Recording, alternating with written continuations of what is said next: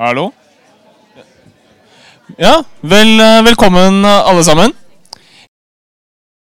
Jeg heter Morten Langfeldt Dalbakk. Jeg er kommentator i Adresseavisen. Og jeg skal lede denne debatten i kveld. Før vi går i gang med debatten for alvor, så må dere gi dere litt praktisk informasjon. Det er nemlig sånn at denne samtalen, debatten, kommer til å bli tatt opp og sendt på NRK P2. Eh, Det opptaket kommer til å vare i 56 minutter maks. Mens vi gjør opptak, så går det ikke an å stille spørsmål fra salen. For det kommer til å forstyrre opptaket, og vi har ikke nok mikrofoner til å fikse det. Men etter at vi er ferdig, så blir det anledning til å stille spørsmål. Så da kan dere gjøre det uten å være redd for å komme på radioen, sånn at foreldre, venner og slekt hører det.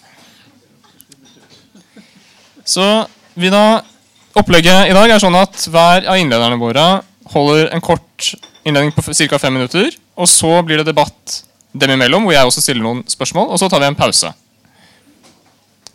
Så er det sånn at eh, P2 gjerne vil at opptaket begynner med litt applaus. Så før jeg introduserer temaet, vil jeg be dere om å klappe når dere får et klarsignal fra meg. Da kan de gi det. Klapp.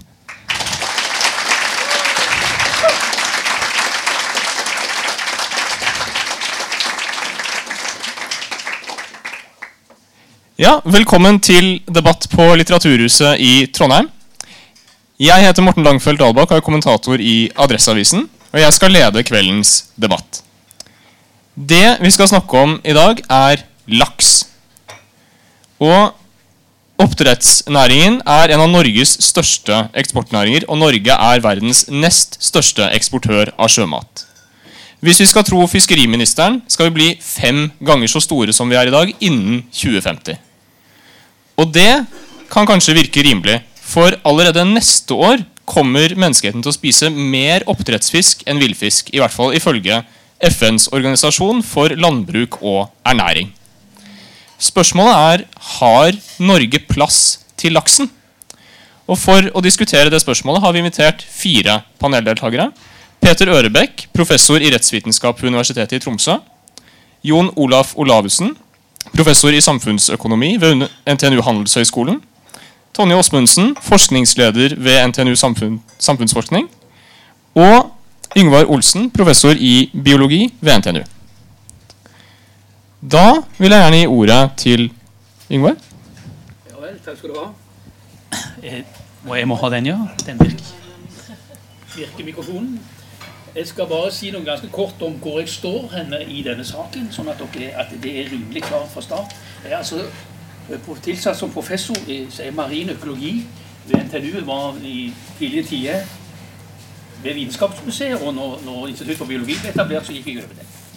Jeg har jobba med litt forskjellige ting. Jeg nevner planteplankton, dyreplankton, næringsstoffer som, som, disse kan være avhengige av, og som de skiller ut. Miljøforskning i kystsonen, effekter av havbruk, overgjødslingsproblematikk. Ja, nå hørtes det bedre ut. Eh, dyrking av tare har blitt veldig populært i senere tider. Og så har vi havna inn i ganske store prosjekter på lakselus. Det var ikke så vanskelig å tippe.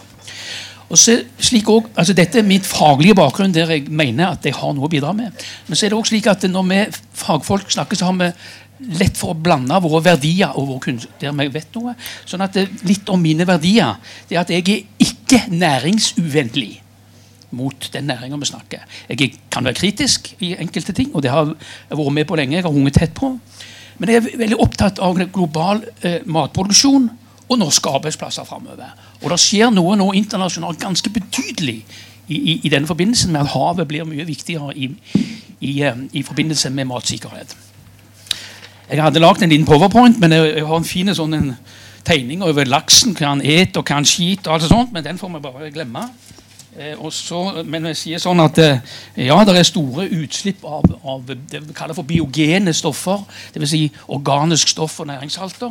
Men, men, men, det er ikke alltid så lett å se klare virkninger av dette. Det er ikke alltid det er slik det, det fortoner seg når jeg leser aviser de, men, men sånn er det nå.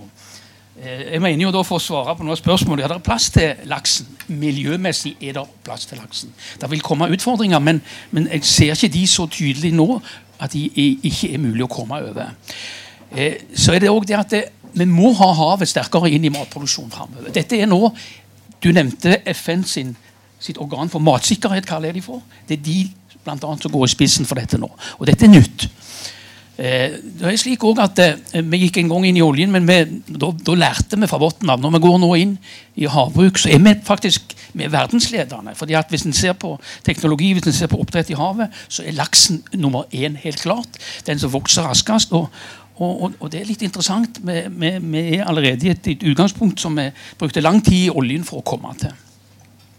Jeg mener at det, det som er viktig, det er et, et videre. For det har vært slik godt og konstruktivt samarbeid mellom mellom det offentlige og, og, bedriftene. Og det tror jeg, i hvert fall I Midt-Norge så skryter de av at det alltid har vært bra. Eh, også at vi i fagmiljøene må søke konstruktive arbeid. Det er mye lurere å jobbe innenfra, er min erfaring. For Da får du som regel litt grann, eh, gjennomslag. Så også for en marinøkolog, som er ofte oppfattes som fienden og en farlig person for folk som gjør noe galt. Men, men det, jeg, har, ja, jeg merker av og til den holdningen, men egentlig så, så, så er ikke det noe big, stort problem for meg. Eh, for det at Min erfaring er det at eh, bedriftene de er egentlig opptatt av kunnskap og om å lære. For det går, dette handler om bunnlinja deres, egentlig. Takk. Tusen takk. Da gir jeg ordet videre til Tonje. Tusen takk. Eh, Tonje Osmundsen altså, er statsviter og organisasjonsforsker. Jeg er da forskningssjef ved NTNU Samfunnsforskning. Eh, jeg har jobba med havbruksnæringa i mange år. Jobba med samfunnsfaglige problemstillinger i hovedsak.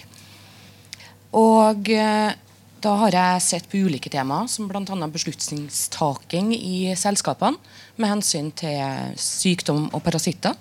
Forvaltninga sin evne til å samarbeide og jeg ser at jeg gjør tegn her, så jeg må snakke litt høyere. Forvaltningens evne til å holde seg oppdatert og samarbeide om en mest mulig bærekraftig regulering. F.eks. på tvers av miljøvern og fiskerimyndigheter. Eh, bruken av sertifiseringsordninger i havbruksnæringa nasjonalt og internasjonalt. Og også på regelverket som foreligger på mange ulike områder. Eh, vi ble jo utfordra til å si noe om hva vi mener om det er plass til laksen.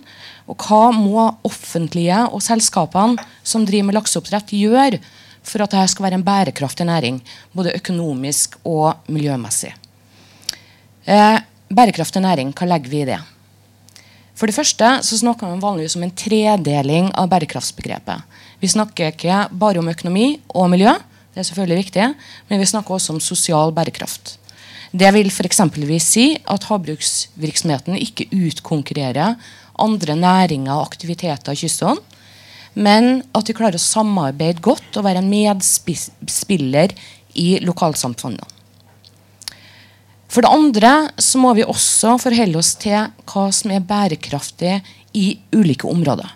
Dvs. Si hva som er bærekraftig på Frøya, i Midt-Norge, nasjonalt og internasjonalt, er en del av spørsmålet. Globalt sett så er næringa, litt sånn som Yngve påpeker, på mange vis meget bærekraftig når det gjelder matproduksjon. Vi produserer mat, og ikke minst proteiner, med en effektivitet som langt overgår det som skjer i jordbruket. Lokalt sett så er det derimot flere utfordringer. Hensynet til villaksen og sjøørreten er et viktig tema. Og påvirkninger på miljøet i havet. Et annet og ofte oversett tema er velferden til laksen i merda. Erfaringsmessig så har vi sett det over mange år at næringa klarer å løse problemene som oppstår. Men det er biologisk produksjon, og nye problemer vil alltid oppstå. Det er ingen hemmelighet, og det er noe man alltid skal være klar over. Det er altså både positive og negative sider ved norsk havbruksnæring. Noe man ofte ikke får inntrykk av når man følger med på debatten om havbruk i media. Dessverre er det slik at det ofte er skyttergravsargumentasjonen som preger mediebildet. Og det kommer både fra forkjemperne fra havbruk og motstanderne. Og Dessverre så fører ikke en sånn debatt oss fremover. Man blir for opptatt med å forfekte egne synspunkt og forståelser, og evner i liten grad å spre kunnskap og utveksle kunnskap. Så hvis jeg skal peke på hva jeg mener vi bør gjøre for å sikre oss at fremtidas havbruksnæring er så bærekraftig som mulig, så vil jeg rette søkelyset på hvordan vi bygger kunnskap om lakseoppdrett. Både her i dag og på andre arenaer. For å få til en god opplyst debatt krever det at næringa i større grad er åpen og transparent og er ærlig om sine utfordringer. Media har et ansvar i å videreformidle kunnskap i alle nyanser, ikke bare i sort og hvitt. Og det gjelder også Morgenbladet i sommer og i høst. Og så har forvaltninga et ansvar for både å sikre samhandling mellom de mange ulike instansene som regulerer næringa, eksempelvis mellom miljøvernmyndigheter og fiskeri og havbruk, og å ta inn over seg at forvaltninga må speile de mange kompliserte sammenhengene i lakseoppdrett, og ikke ensidig fokusere på ett tema, som lus. Ja, lus er viktig, men det kan ikke bare være det vi driver og regulerer etter. For da forårsaker vi også nye problemer. Takk. Tusen takk. Da gir jeg ordet videre til Jon Olaf. Ja. Uh, Jon Olaf Larsen er professor i samfunnsøkonomi ved NTNU Handelshøyskolen. Og mm, ja, har jobba ganske mye med villaksforvaltning, altså oppdrett og forholdet mellom villaks og oppdrett. Uh, jeg går rett på spørsmålene. Er det plass til laksen? Uh, det var første spørsmål, og for meg så er det helt klart at svaret på det det er avhengig av spørsmål to. Altså hvordan myndighetene regulerer det her. Og, så spørsmål to er altså, hva må det offentlige og selskapene gjøre for å drive bærekraftig? Eh, økonomisk og miljømessig. Eh, det første som gjøres jeg skal være ganske konkret, det første som må gjøres etter mitt syn, det er at den nye trafikklysordninga for vekst den må rett og slett skrotes eller endres kraftig. Det ble innført altså en trafikklysordning i 2017. Um, ehm, det skal styre hvilke regioner i Norge som får vekst med oppdrett, og hva som må holde konstant, og hvem som må redusere. Um, fra og med 2017 altså, skal dette kun styres av lusepresset. og Tonje var inne på det. Nå styrer man etter én indikator, lusepresset. Uh, og Regelen er at dersom har Dersom over 30% av villaksmolten dør pga. lusepress når den går ut i havet, så må du redusere produksjonen. Hvis det er mellom 10 og 30% så kan du holde konstant. Og er det under 10% så får du lov å vokse. Altså rødt, gult og grønt lys. Og Problemet med denne ordninga er først og fremst to ting. For det første så er det veldig vanskelig å anslå det her hvor mye lusebetinga dødelighet er det. Så det vil alltid være et visst skjønn her. Og det her så vi allerede veldig godt eksemplifisert i 2017. Nord-Trøndelag, regionen rett nord her, altså det er jo ikke Nord-Trøndelag nå lenger, men det er en lakseproduksjonsregion. De fikk gult lys, altså de skulle holde konstant produksjon etter reglene. Fiskeriminister Sandberg han sa med en gang at nei, vi tillater vekst fordi at uh, her er det så positiv utvikling. To regioner med rødt de fikk heller ikke pålegg om å redusere av samme grunn. Vi skal vente til 2019 og se det an. For det andre så er det ufattelig mange som Tonje var inne på, ufattelig mange andre forhold enn det lusepresset, altså villaks lusepress, som er viktig. Både for villaksen og for sjø, sjøområdene rundt merdene. Hva med rømmingsfaren, f.eks.? Altså årlig rømmer det mer laks fra norske merder enn samla villaksinnsig. Eh, hva med sykdom? Er ikke det lenger viktig? Sykdomspresset, f.eks. ILA. Eh, stadig utbrudd. Hva med forurensning? er ikke ikke lenger viktig. Altså, norsk oppdrett slipper ut fosfor i norske fjorder som er ni ganger høyere enn naturlig avrenning. 45 ganger høyere enn smak på det, 45 ganger høyere enn utslippet fra resten av industrien. Nitrogenutslipp samme. 70% av naturlig avrenning. 24 eh, ganger høyere enn eh, utslippet fra resten av industrien. Hva med lusemidler? Utslipp av lusekjemikalier er ikke lenger viktig, til tross for at det slippes ut. I 2016 slapp man ut 30 000 tonn eh, kjemikalier i norske fjorder. Vi hører om rekefiskere som gir opp, og vi vet at skalldyrene det er påvist at de sliter pga. kjemikaliene. Så er kanskje det som jeg snakka minst om, med dyrevelferd, er ikke lenger viktig, tross for at ca. 20% av laksen dør altså før den blir slakteferdig. Dør i merdene. Det skyldes sykdom, mekanisk avlusning, kjemisk avlusning, altså diverse. Tillegg, og det er veldig få som vet, 33% av rensefisken, som er liksom den nye løsninga, dør i løpet av seks måneder. For rognkjeksen er enda verre. 48% dør i løpet av seks måneder. Og det er enorme mengder. 20 millioner opprettes til sikre død. Så det er noe etisk med det her som antagelig ikke hadde gått bra i kufjøset. Vi på økonomien av lakseoppdrett, så stiger pga. luseproblemet så stiger kostnadene raskt. Mens lakseprisen ser ut til å være på tur nedover. Eh, selvfølgelig det er store verdier her. Det er ca. 15 milliard i verdiskapning årlig. Eh, og jeg synes det er ganske oppsiktsvekkende når vi snakker om hva myndighetene kan gjøre, at de først nå begynner å snakke om ei avgift, arealavgift. Og den ressursavgifta den eh, kommer nå, antagelig. Og jeg tipper den blir altfor lav. Det er mitt tips. Eh, den mener jeg bør være ganske kraftig, og at du f.eks. har en tredjedel som går til forskning på negative miljøeffekter, en tredjedel til kommunene og en tredjedel til avbøtende tiltak. Ja. I tillegg så må denne som jeg sa, trafikklysordninga avskaffes eller endres til en mer helhetlig indikatorsystem. Da tror jeg det er plass til laksen. F.eks. lusepresset. sant? Det er eneste indikator man bruker, skal bruke nå for å bestemme eh, vekst. Så enkel løsning er å pøse på med mer kjemikalier. Selv om de ikke har utslippstillatelse, så får de jo lov til det. Hva da med reker og skalldyr? Altså det slår ut i noe når du kun regulerer på én indikator, og det har masse andre eksterne virkninger. Da får du uheldige konsekvenser. Et tiltak som løser mange av disse problemene samtidig, det er lukka anlegg.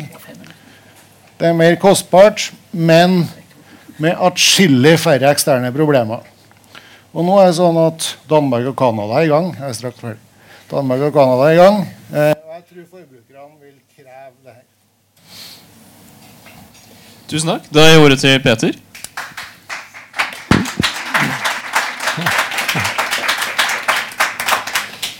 Ja, godt folk. Jeg, min bakgrunn er jo da jussen. Jeg er professor i rettsvitenskap og har skrevet eh, en bok i hvert fall, uh, og kanskje en del artikler om uh, havbruk, havbeite, oppdrett osv. Så videre, sånne ting.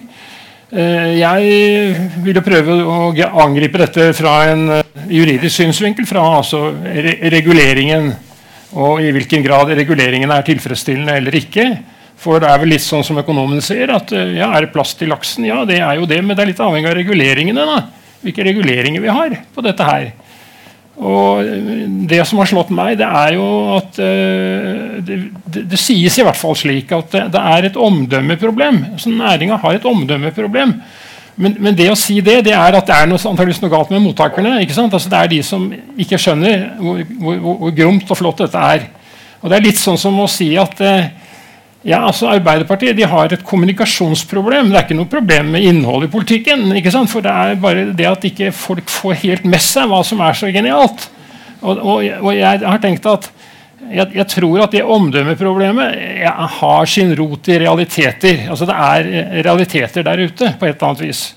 Og Det jeg har tenkt igjennom og konkludert med, det er vel at eh, det, er to, det, er to, mangler som på en måte er ute og går der, og som da på en måte kan repareres gjennom reguleringer. Staten kan ta et ansvar. Og Det ene det er det at det er gratispassasjerer altså, i dette systemet. Det er det ene. Det andre er at det er masse eksternaliteter i dette systemet.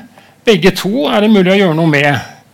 Og det tredje, som også er veldig dårlig eh, gjennomført, det er dette med at, eh, at eh, man stort sett eh, ikke håndhever. Og da må man gjøre noe med det. Man må styrke håndhevinga. Eh, så hvis man gjør det som er nødvendig, fjerner gratispassasjeren, tar bort eksternalitetene og styrker håndhevinga, så er det sikkert plass til både oppdrett og havbeite. for så vidt. Kanskje du kunne forklart for salen hva eksternaliteter er? Det er ikke sikkert alle her har bakgrunn for å forstå det. Ja, Med eksternaliteter så mener jeg slike forhold, slike kostnader, som burde vært en del av, av regnskapet, som burde vært en del av den på en måte eh, prisen som oppdretterne betaler for å drive den virksomheten de driver på et område som tross alt tilhører det norske folk i fellesskap. Og Her har man ikke kalkulert inn noe av det det koster å på en måte få, få, det arealet eh, tildelt, da, som er på en måte en slags eh, subsidiering av de, av de, anleggene som får det. Det er det ene. Og det andre er at eh, mange faktorer som en burde ha kalkulert inn, sånn som med rensing Andre som har, eh, eh, har en hytte et sted, så de må rense gråvannet. ikke sant? de, de, denne type kostnad blir ikke innkalkulert i det vi kaller eh, regnskapet til eh, Det samme gjelder da eh, smitte. Du smitter andre med hjelp av sykdommer. ikke sant? Den kostnaden blir ikke tatt med. Du, du, har spredning av lus. Den kostnaden Det er jo en kostnad, det. Den blir ikke tatt med. Og så det er det jeg mener med eksternalitet. Og gratispassasjeren er mer slik at en grunneier, en bonde, han har en jord, han har, han har, kjøpt gården, han har kanskje arvet gården, han har masse innsatsfaktorer som han på en måte eh, må betale for å få. Mens eh, oppdretterne, de, i hvert fall i utgangspunktet, så har de fått en tilgang som var gratis i utgangspunktet. Nå koster det jo penger å få disse konsesjonene, men i utgangspunktet var også det gratis. Så litt, litt, litt sånn. Og så er det da forholdet til allmennheten. Ikke bare forhold til grunneieren, men også forhold til allmennheten. Og det er jo at hvis du beslaglegger et areal inni en fjordarm et eller annet sted, så kan du banne på at det ganske sikkert er noen andre som også har en interesse av det, andre, det, området. Og de blir jo blokkert ved at du ikke har lov til å fiske nærmere enn et visst antall meter fra, fra, anlegget. Du kan ikke ferdes nærmere anlegget enn en 20 meter osv. Så, du tar på en måte bort en del av de verdiene som folk tradisjonelt har drevet og, og, og hatt i området. Eh, I nord, nordpå så snakker man ofte om kystfiske. At det er masse kystfiskere som på en måte mister fiskefeltene sine. Betaler oppdretteren for det? Nei, oppdretteren betaler ikke for det. Blir det krevd at han skal betale for det? Nei, det blir ikke krevd at han skal betale for det. Hvis du setter opp en garasje, så må du gå til bygningsmyndigheten og sende nabovarsel. Ikke sant? Hvis du etablerer et oppdrettsanlegg inni en fjordarm, så hoppes det bukk over å sende nabovarsel. Da blir det ikke sendt noen nabovarsel. Da blir det ikke noe granneskjønn. Da blir det ikke noen kostnader som de grannene har ved at de har denne ulempen ved å ha anlegg innpå, innpå seg. Det blir ikke kalkulert inn. Det er det jeg kaller, det det jeg kaller mer gratis uh, passasjer. Ja, så disse tingene her bør det gjøres noe med. Og så kommer det til slutt håndheving. Og håndhevingen den er altfor lemfeldig. Den er ikke konsekvent.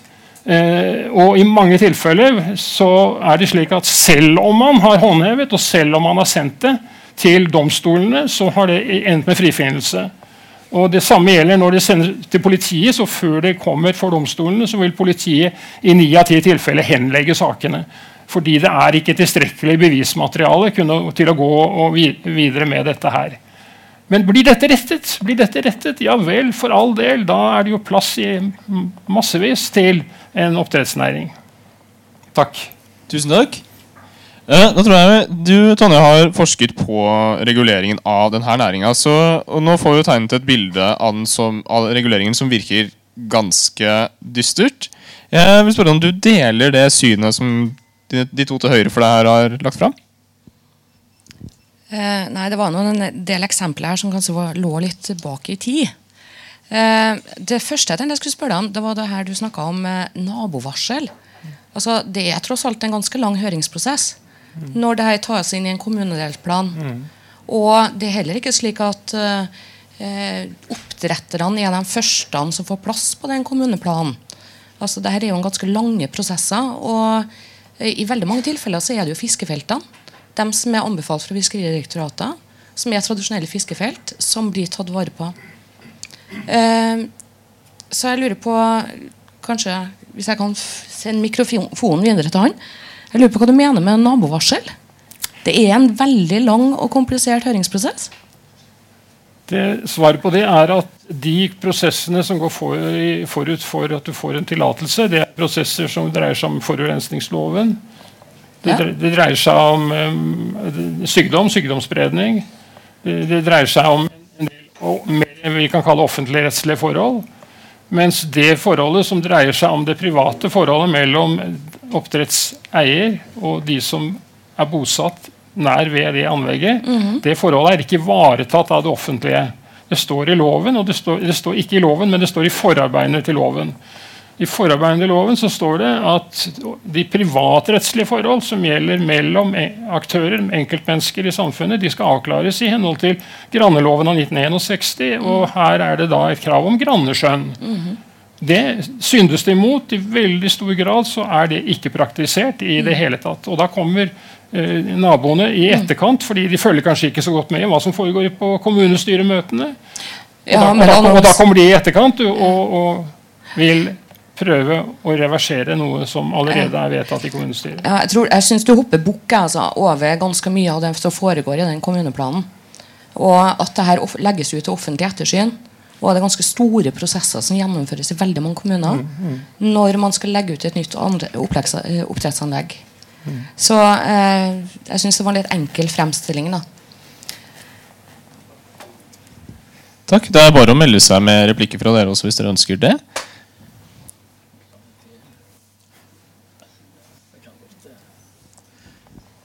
Bare, bare ganske få kommentarer. Det er klart at det, Jeg har hørt ting her som jeg ikke er uenig i, men jeg har hørt noe som jeg er ganske rimelig uenig i. Eh, og da, da vil Jeg altså, jeg vil eh, først og fremst konsentrere meg om å mene noe sterkt der jeg har faglig bakgrunn. og Det jeg har hørt om på en måte, potensiell forurensningsproblematikk, der er det sterkt overdrevent. Og det er det. Og det er det omdømmet sitter. Og det er vanskelig å få vekk. Innrømme det. Men, men altså når man har holdt på med det der en stund og, og har data, så mener man noe etter hvert. Da må man mene noe. Og jeg, jeg, er i den situasjonen. Og det det er sterkt overdrevet mye av det du sier, Jan Olaf. Og, og, og, det, det, er sterkt overdrevet mye av det du sier, og mye av det går tilbake i tid, slik som du, Tonje, nå da kommenterer. Så, men la, la, la det være min, min replikk. Men jeg er enig. Jeg, er enig med deg i Utslippstallene går ikke tilbake i tid. jeg er enig med deg. i- Ingvar, de har jeg ja, ja, ikke sant? Jeg har de, jeg har de òg. Ja.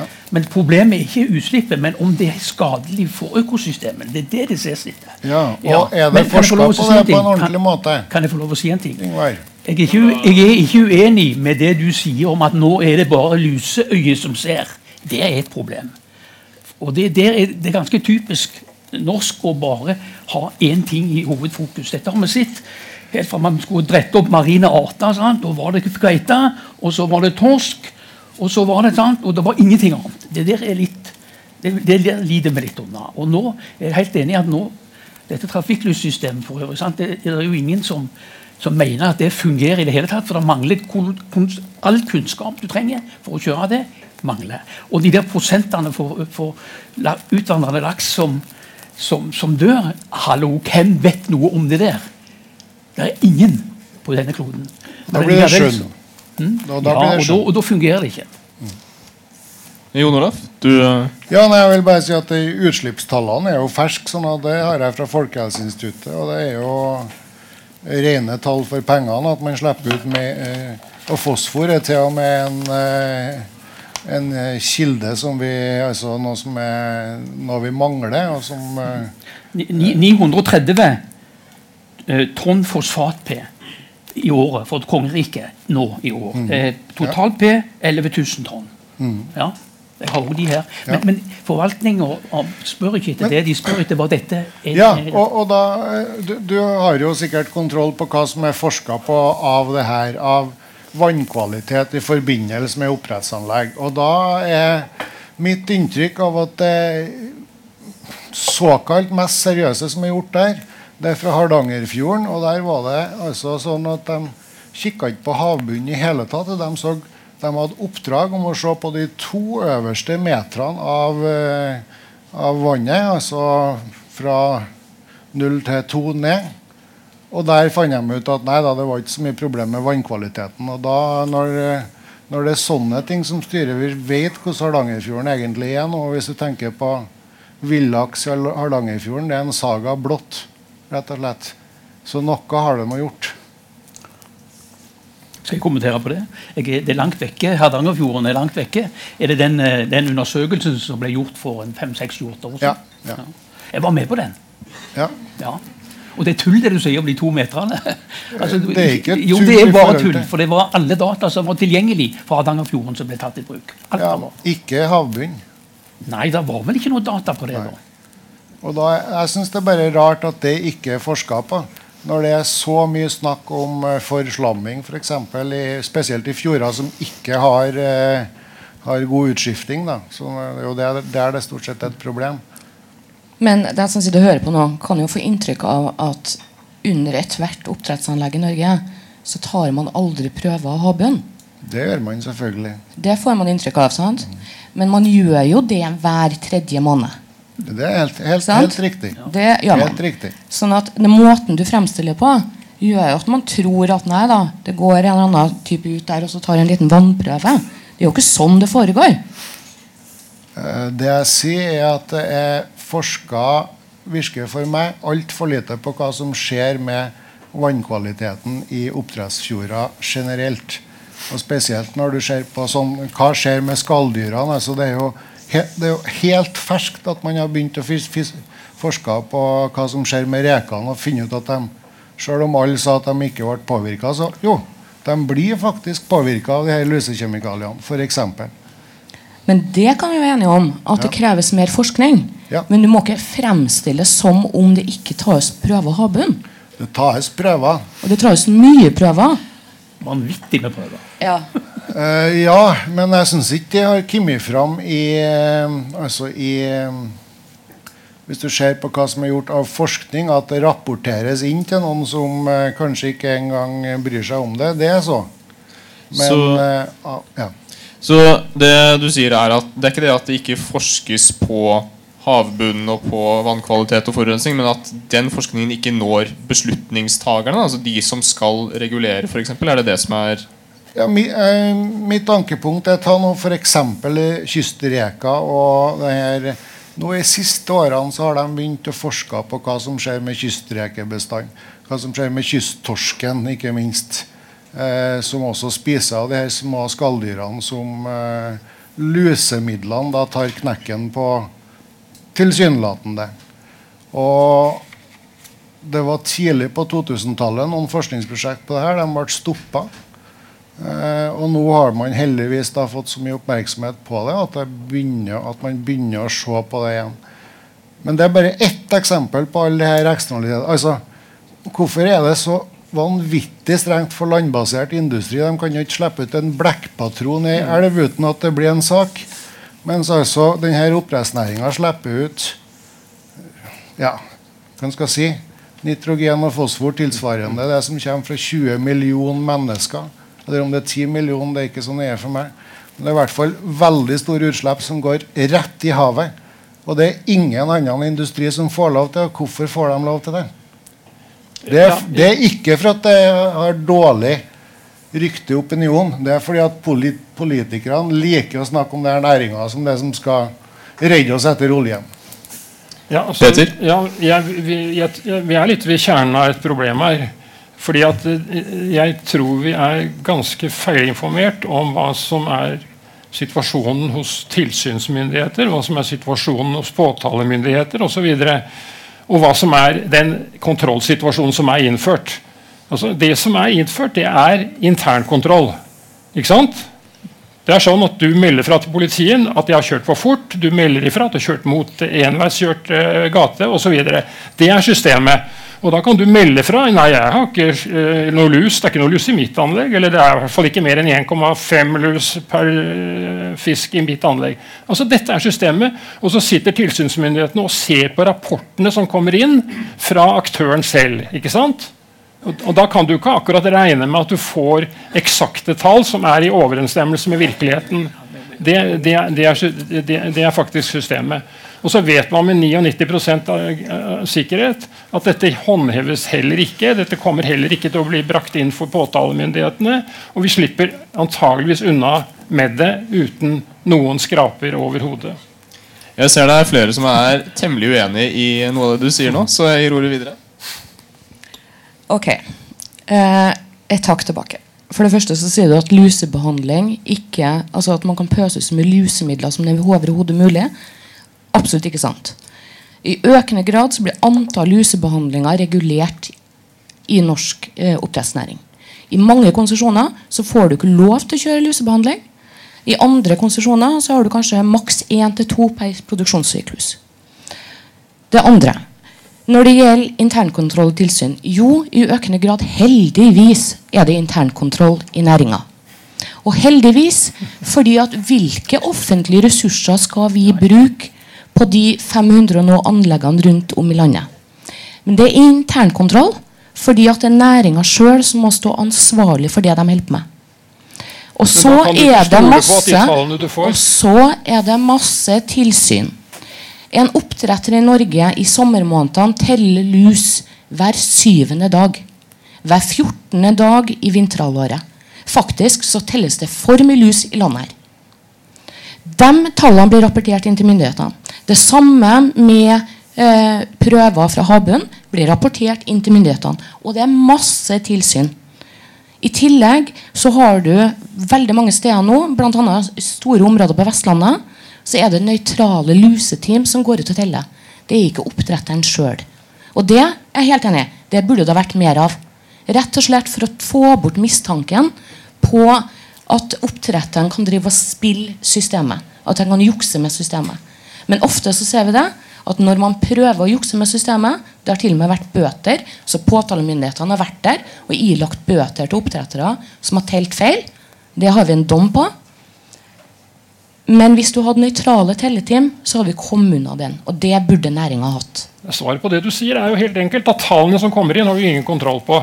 Du, oppdretteren teller, og telleren kan si én lus, det er tre lus. Men det er umulig å kontrollere, for det er ingen som er der og kontrollerer. Det er det, det, er det. det en, uh... jeg, har, jeg har en liten kommentar på det.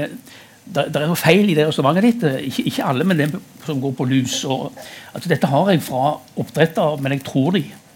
Jeg tror faktisk det de sier, det de sier de, de, Den grensen for tiltak er veldig lav. Er det 0,2? Altså, Ei lus på hver femte laks. Da skal de gjøre noe. Og Jeg har nå spurt dumt ja, men det er så lavt. Hvorfor det? Og da, da sier de de må starte reaksjonen da med avlusing. For ellers så kommer det for langt, og så får de et kjempeproblem senere. Så de er tjente med sjøl å gjøre den jobben ganske kjapt. Og det, det, det, dette vet jeg er slik. Jeg er ikke særlig i tvil om det. For, og, og, de gjør det kanskje pga. at de er pliktige å rapportere, men også pga at det er best for deres egen bunnlinje og virksomhet. Det pleier å virke. Jon Olav? Ja, øh, Hvis en ser på bruken av lusemidler da, over øh, sin siste tiårsperiode, så var det noen tusen øh, kilo man brukte for noen år siden. Nå bruker man altså 30 000 tonn. Derav sier jeg man kan bare pøse på. For det er lite kontroll med hvor mye hydrogenperoksid f.eks. de peiser ut. Og, og saken er 0,2 lus per Det er ganske lite, ja. Men det er 200 000 laks i én mære. Altså det er makstallet. Og da blir det ganske mange lus per mære og ganske stort lusepress i fjordene. Eh, sånn at det er ikke uproblematisk, selv om det bare er 0,2. Og, og, det som har drevet kostnadene i næringa, som har gått fra I 2008 så var det ca. 21 kroner per kilo produsert. Nå i, i 16 så var det oppe i 33. Nå snakker de om 35. Det tallene har ikke kommet offisielt ennå. Men uh, det er ganske høye kostnader per kilo, og 80% av det er drevet av lusebekjempelse. Så næringa ser jo det at det er, et kjempeproblem som må bekjempes. Det er en enorm kostnad for dem. Og, og derfor sier jeg, når vi er oppe i 35 kroner, hvis vi er der, så er altså 35-37 kroner det er sånn break even for når lukka landbaserte anlegg faktisk er like lønnsomme. Sånn at nå er vi allerede oppe i de tallene der, eh, der næringa sjøl òg kanskje begynner å få mer interesse for lukka, lukka landbaserte anlegg. Som vil løse nesten alle de her problemene. Så ja, Du kan ta ordet først, Tonje. Hvor kommer anleggene til å ligge, da? I Sahara? Altså, De kan enten være lukka for meg, om de er lukka, lukka i sjøen, som kanskje er det som vil være miljømessig best, tror jeg, pga. Uh, litt sånn energibesparelse. Eller om de uh, havner istedenfor vindmøllene, eller de kan jo ligge attmed vindmøllene, for der kommer det ikke til å være noe folk likevel. Eh, men at eh, du peker på et viktig punkt med Sahara. fordi at eh, Grunnen tror jeg, til at næringa har vært såpass lite ivrig på lukka anlegg, det er jo åpenbart at hvis du først har lukka landbaserte anlegg, så kan du like godt produsere i Asia. sånn at for norsk oppdrettsnæring så er det ikke noe, noe de er spesielt interessert i. Men den utviklinga kommer likevel. Danmark har begynt. Canada har begynt. Den kommer uansett. så det er om å heller prøve å utnytte at man fortsatt har et fortrinn, tror jeg. Så vidt jeg vet, og dette her har jeg bare så det er sagt fra folk i oppdrettsnæringen, så er uh, landbaserte anlegg betraktelig mer energikrevende enn uh, vannbaserte. Og de som snakker om lukka anlegg på land, er liksom bekymret for at det vil utkonkurrere norsk havbasert oppdrett, og at det liksom blir dårlig for verdens energiforbruk. Er, vil det allikevel tror du, være å foretrekke framfor uh, havbaserte anlegg sånn som den vi har i dag? Altså åpne? Ja, da må jeg snakke litt personlig. at For meg så er villaksen viktigere enn eh, Og mye av de andre her potensielle miljøproblemene viktigere enn uh, energiforbruket. Og som jeg sier, Hvis vi likevel skal ødelegge kysten med vindmøller, så kan vi vel like godt uh, bruke dem til å fyre opp noen oppdrettsanlegg? Bare ganske kort, altså Hvis vi hadde flytta den i dagens oppdrettsanlegg på land, så hadde det blitt så mye skrik og skrål at alle her hadde vært med i koret. Bare hør på det. For det er ikke små arealer som hadde trengs. Og det har vi ikke, dessverre. Og skal du ha de flytende, skal du ha de flytende så Dette vet jeg litt om, men hydrodynamikeren hos oss sier at da har du et problem. Det er ikke enkelt. Men kanskje det blir litt sånn. Men, men det er en sånn dogme òg at da har du full kontroll på alle utslipp. Og det, det, det, det blir feil. Det har du ikke. Eh, meste, hvis jeg tar nitrogen, som på en måte er en fiende her nå Og igjen, for det er det store tallet. Det slippes ut 37 000 tonn ammoniumnitrogen per år fra norsk havbruk. Og, og, og eh, du kan si det sånn Hvordan skal du fange opp det? Det er i vannet. Da må du ta vannet på land. Eller hva skal du gjøre?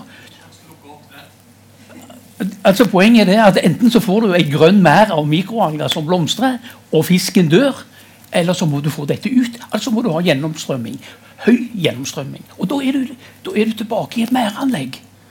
Men det er greit. Eh, så Dette det, det er et blindspor. Du kan håndtere uh, skiten, altså den, den, den men den er en tredjedel cirka, av utslippet. Mens det to tredjedeler er joner.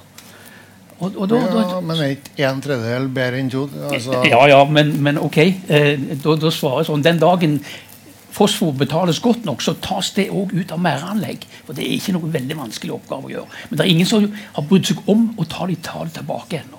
Så det, det, det, er en politisk sak, egentlig. Mm, mm. Det kan uh, håndteres. Men rent teknologisk er ikke det et kjempeproblem å ta 80-70-80% ut til lands. Og det, det er fullt mulig.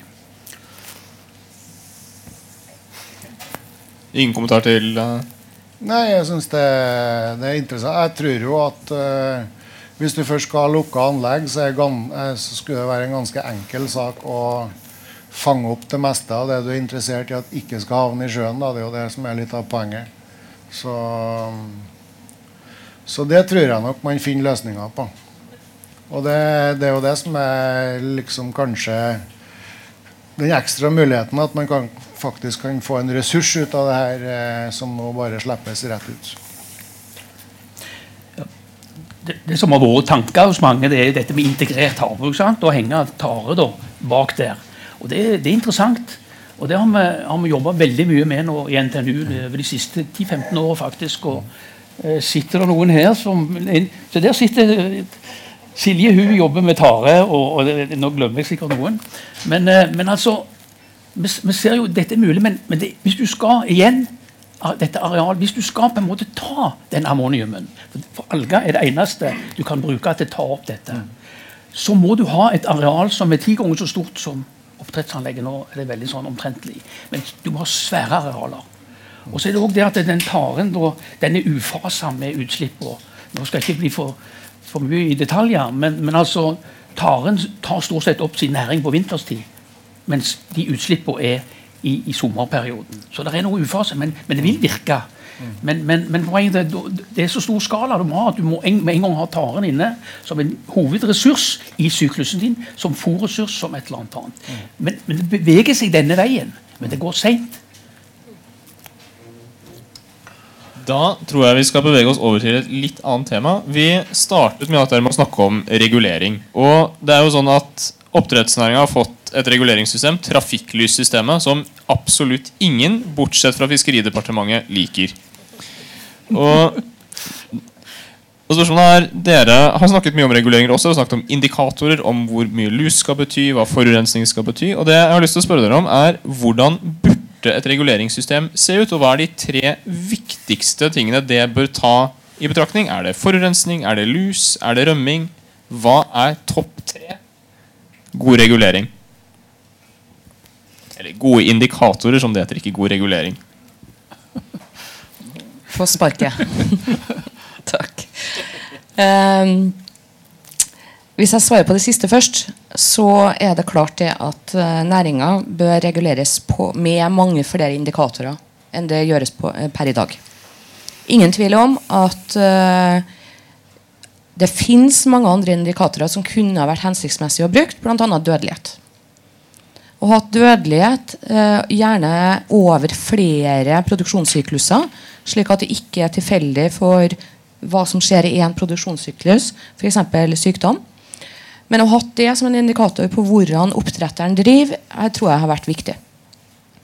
Og så hadde, har du selvfølgelig også an, mange andre indikatorer her som eh, hadde vært eh, egna til å måle hva skal jeg si, de, de beste da, i klassen.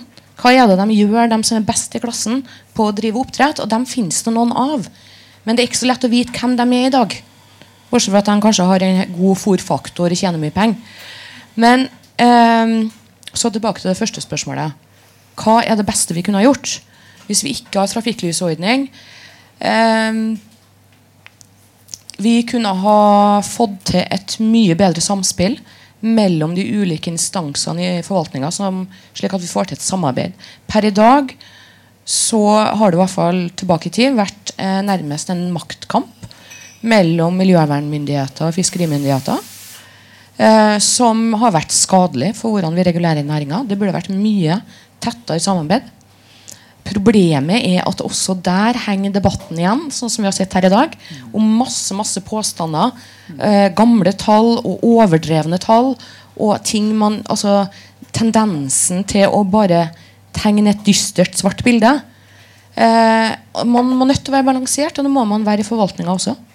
Bedre samspill mellom myndighetene på alle nivå. Det er det for så vidt ganske bra på lokalt nivå, spesielt her i Midt-Norge.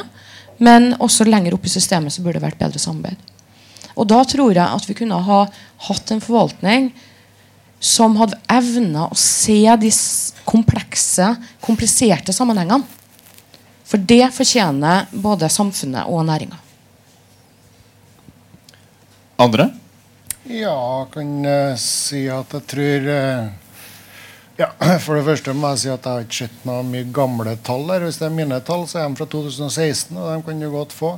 Men uh, for øvrig, du kan ikke ha tre indikatorer. Det er, det er så mange uh, faktorer. som sagt. Det er sykdom, det er forurensning, det er ja, kjemikalier, det er rømming, det er lus.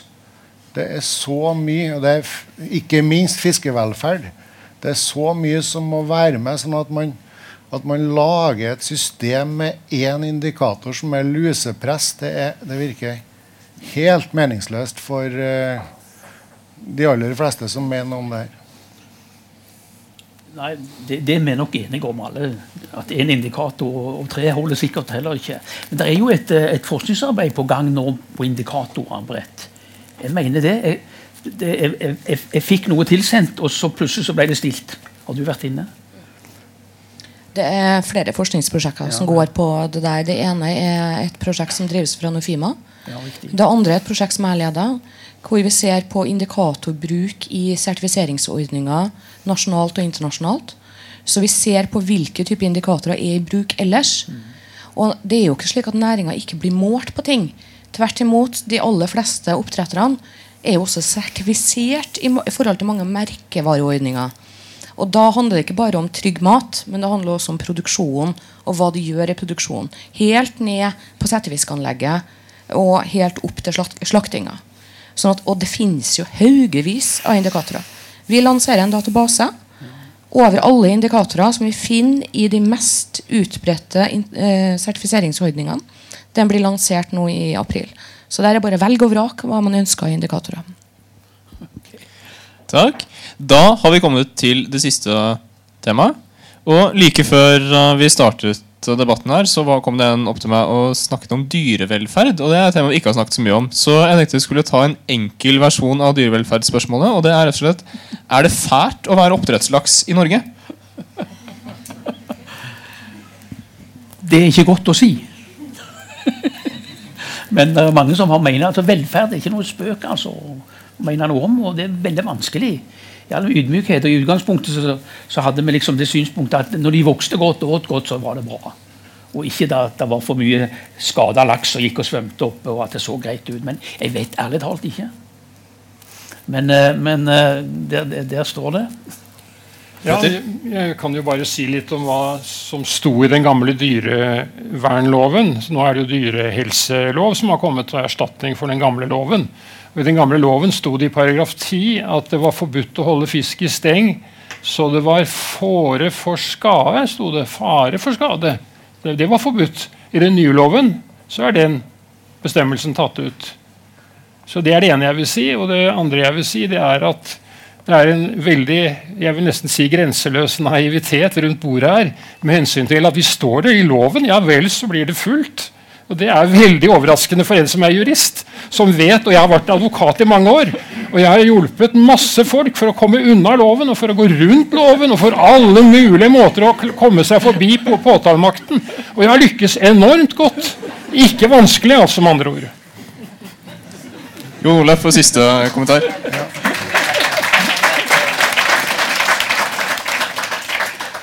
Ja, nei, når eh, er det greit å være oppdrettslaks? Eh, når det er, nå har jeg veldig lite troverdighet siden jeg fisker laks sjøl. Men, eh, men altså Når når én av fem lakser dør før de blir slakta av sykdom, avlusing osv. Så, videre, så det, det, er ikke veldig god dyrevelferd for meg. Det, men enda verre syns jeg er det med rognkjeksen der halvparten dør eh, før det har gått seks måneder, det syns jeg er alvorlig. og det hvis forbrukerne begynner å se på det her, spesielt det amerikanske markedet, så får næringa problemer. Så det må de bare gjøre noe med.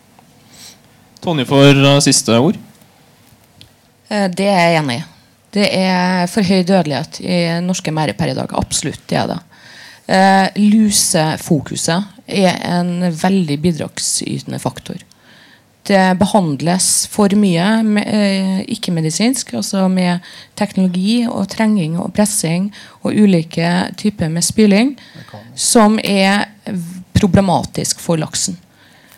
Det tror jeg også er et problem som næringa etter hvert klarer å løse, men per i dag så Jeg tror ikke jeg ville vært laks i Norge i dag. Da sier vi tusen takk til paneldeltakerne i denne runden. Nå tar vi en kort pause hvor alle kan eh, kjøpe seg litt øl, ta litt frisk luft og sånn, og så kommer vi tilbake igjen om ikke så veldig lenge.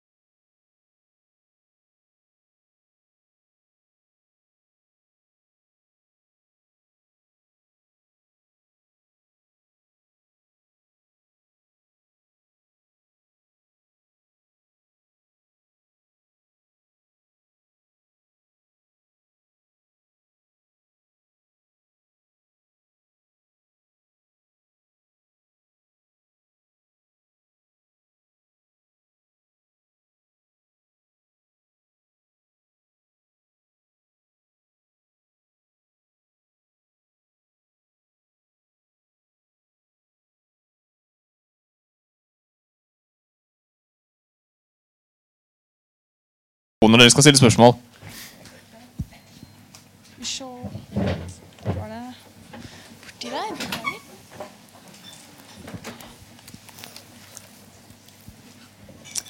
Takk for det. Eh, Ivar Hellesnes er navnet. Jeg er veterinær. Jeg har jobba i Mattilsynet siden den ble etablert. Altså Jeg har holdt på med oppdrettsrelaterte saker siden eh, 98.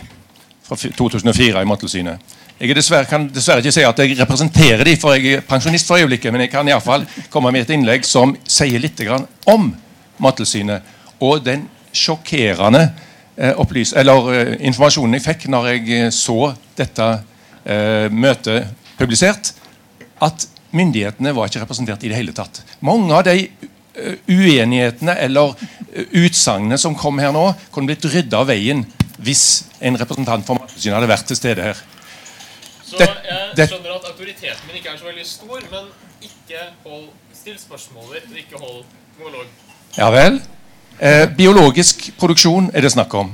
Det er to, to lover som, eh, som ligger til grunn for Mattilsynets arbeid. Det er dyrevelferdsloven og det er dyrehelseloven. Det betyr, og vi har, Mattilsynet har representanter ute på merdkanten til stadighet som kan ettergå internkontrollen som disse, denne bransjen er skal gjennomføre. Og da er eh, eh, den, den, Det store spørsmålet er da i hvilken grad har myndighetene som er satt til å forvalte dette svære området Jeg er positiv til oppdrettslaks. Det er et nytt husdyr som vi har fått faktisk i fanget pga. gründervirksomhet langs norskekysten. Men myndighetene har så liten mulighet, og de stanger hodet mot veggen en, når de ønsker å ta affære med det som skjer av ulovligheter eller uheldige forhold. Og Da er mitt spørsmål til panelet rett og slett på hvilken måte skal vi styrke forvaltningen sin innsats og sine muligheter for å ta affære med bl.a. 20% dødelighet, som er helt horribelt.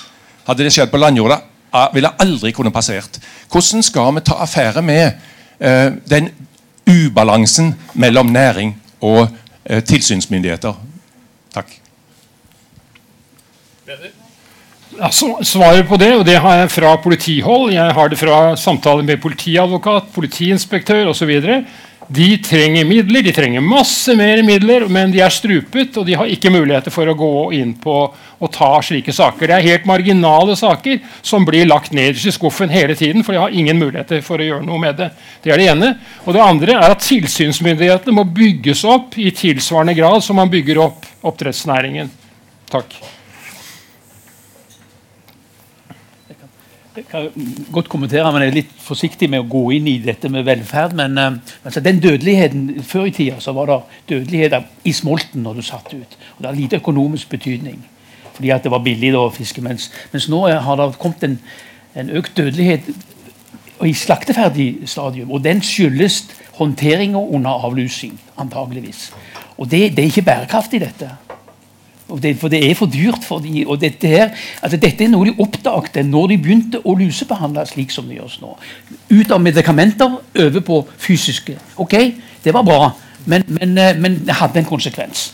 Og jeg tror, eh, jeg tror på en måte at økonomien Dette må de ut av. Og hvordan det skal skje, det er ikke godt å si. Men den dødeligheten som er av voksenfisk nå, den er ikke til å leve med for noen, tror jeg. Tonje? Jeg har fortsatt ikke mikk. Uh, uh, helt enig med deg. Altså, myndighetene trenger større ressurser for å klare å følge takta til denne næringa. De må ha mulighet til å komme ut på mer tilsyn. Eh, en annen mulighet er også at man styrker veterinærtilstedeværelsen på merdene. Det har man også mulighet til å gjøre gjennom lovverket. Eh, og hvis man begynner å måle næringa på dødeligheten, og gir det konsekvenser i større grad, så tror jeg også man kan, kommer til å se noe effekt av det. Jon Olaf? Ja. Eh, jeg støtter de øvrige her fullt ut. Jeg vil bare kommentere at det, var, det er jo ikke sånn at det ikke er dødelighet ved kjemisk avlusing heller. Altså, vi har jo sett skrekkhistorier på 100 000 laks som har blitt svidd i hjel av hydrogenperoksid f.eks. Så det er jo ikke at det har vært helt uproblematisk, det heller. Eh, men det er klart at én ting er tilsynet, at det må åpenbart holde tritt med næringa. Men i tillegg så må det være sånn at myndighetene er villige til å faktisk gjøre noe når det blir avdekka ulovligheter. Og det har jo skjedd eh, ganske mange ganger at det ikke har skjedd. Jeg fikk noen litt tvetydige signaler om, eh, om mikrofonen her, men nå er det i hvert fall neste eh, spørsmål derfra.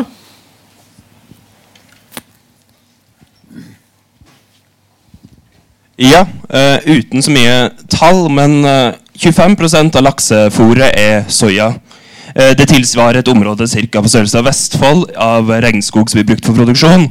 Noe som er tatt opp av Folkeopplysningen i mai i 2017 med Andreas Wahl, var genmodifisert eh, Jeg tror det var alge eller noe sånt, noe, eller tang, eh, et eller annet. Men altså det var mat som er produsert i havet, men det var genmodifisert, så derfor ikke tillatt i Norge. Men bør vi åpne for å genmodifisere den maten vi gir til laks, for å unngå å bruke såpass mye av regnskogen? Spesielt hvis vi skal nå målet om å femdoble lakseproduksjonen, som ble fremlagt i 2017.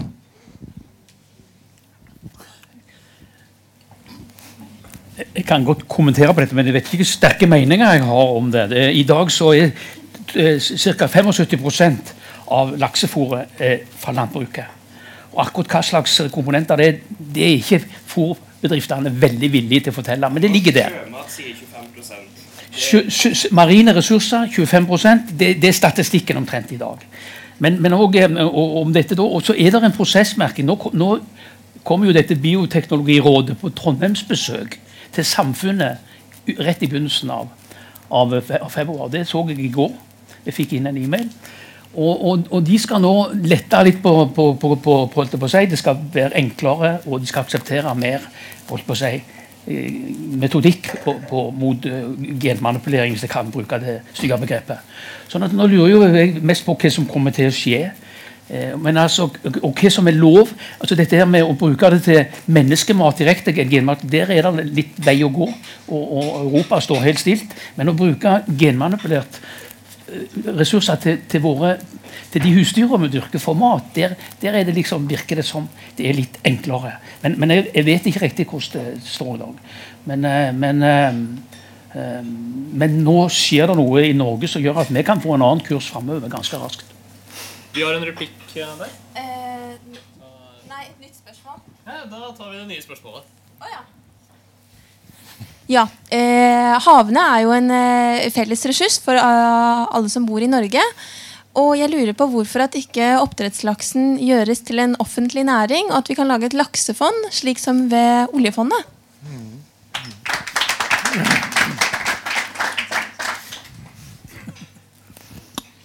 Det har vært diskutert, og det kan jo fortsatt tenkes at det skjer.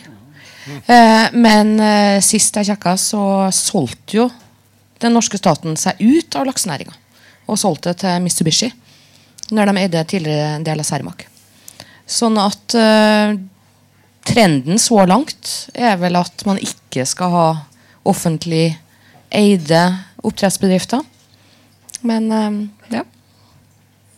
Men Kanskje ja, jeg tror det kan endres. Hvis, kanskje hvis vi får en annen regjering.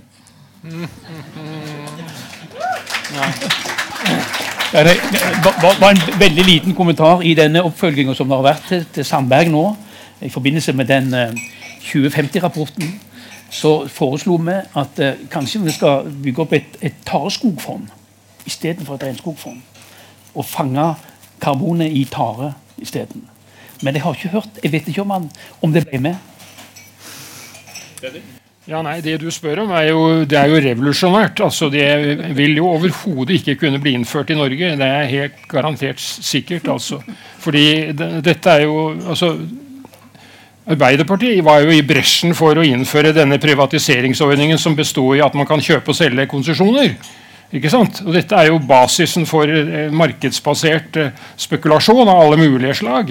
Å reversere det er jo en håpløshet, fordi man må jo da ekspropriere alle disse rettighetene. Og det er jo et enormt beløp når hver enkelt konsesjon koster 80-90 millioner kroner.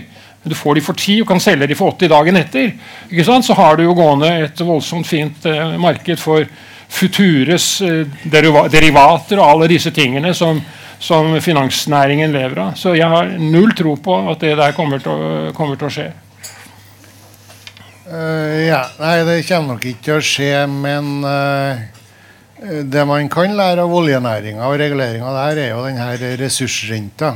Sånn at det faktisk tilfaller den norske befolkninga noe av det som hører fellesskapet til, da, siden det er en eh, fellesressurs vi bruker. Og den arealavgifta er planlagt å komme. Og, men som sagt, jeg tror den ble altfor liten. Den skulle ha vært eh, ganske kraftig, for det, det er en ganske betydelig bruk av fellesressurser som eh, skulle ha gått tilbake til samfunnet. Eh, men det er to ting dere glemmer å nevne. da. Konsesjonene er i økende grad tidsbegrensa. Så det er ikke slik at hvis du har kjøpt en konsesjon i dag, så har du den til evig tid. De er i økende grad tidsbegrensa. Og forhåpentligvis er det flere av dem som blir tidsbegrensa. Jo. Og det andre er at du glemmer å nevne at vi har et havbruksfond. Det er veldig lite. Det blir større og større. Og spesielt det, Nå er det sist utregning tror jeg var 250 millioner som står til fordeling til kommunene. Helt enig, det er altfor lite. Men det kommer til å bli større. Kort replikk fra deg, og så er det spørsmål her borte fra. Ja, Hun svarte egentlig sjøl det er altfor lite. og som Morgenbladet ganske fornøyelig har dokumentert, så har de pengene vært delt ut på en uh, meget spesiell måte til såkalt næringsvennlige aktører. I stor grad, da. Veldig kort.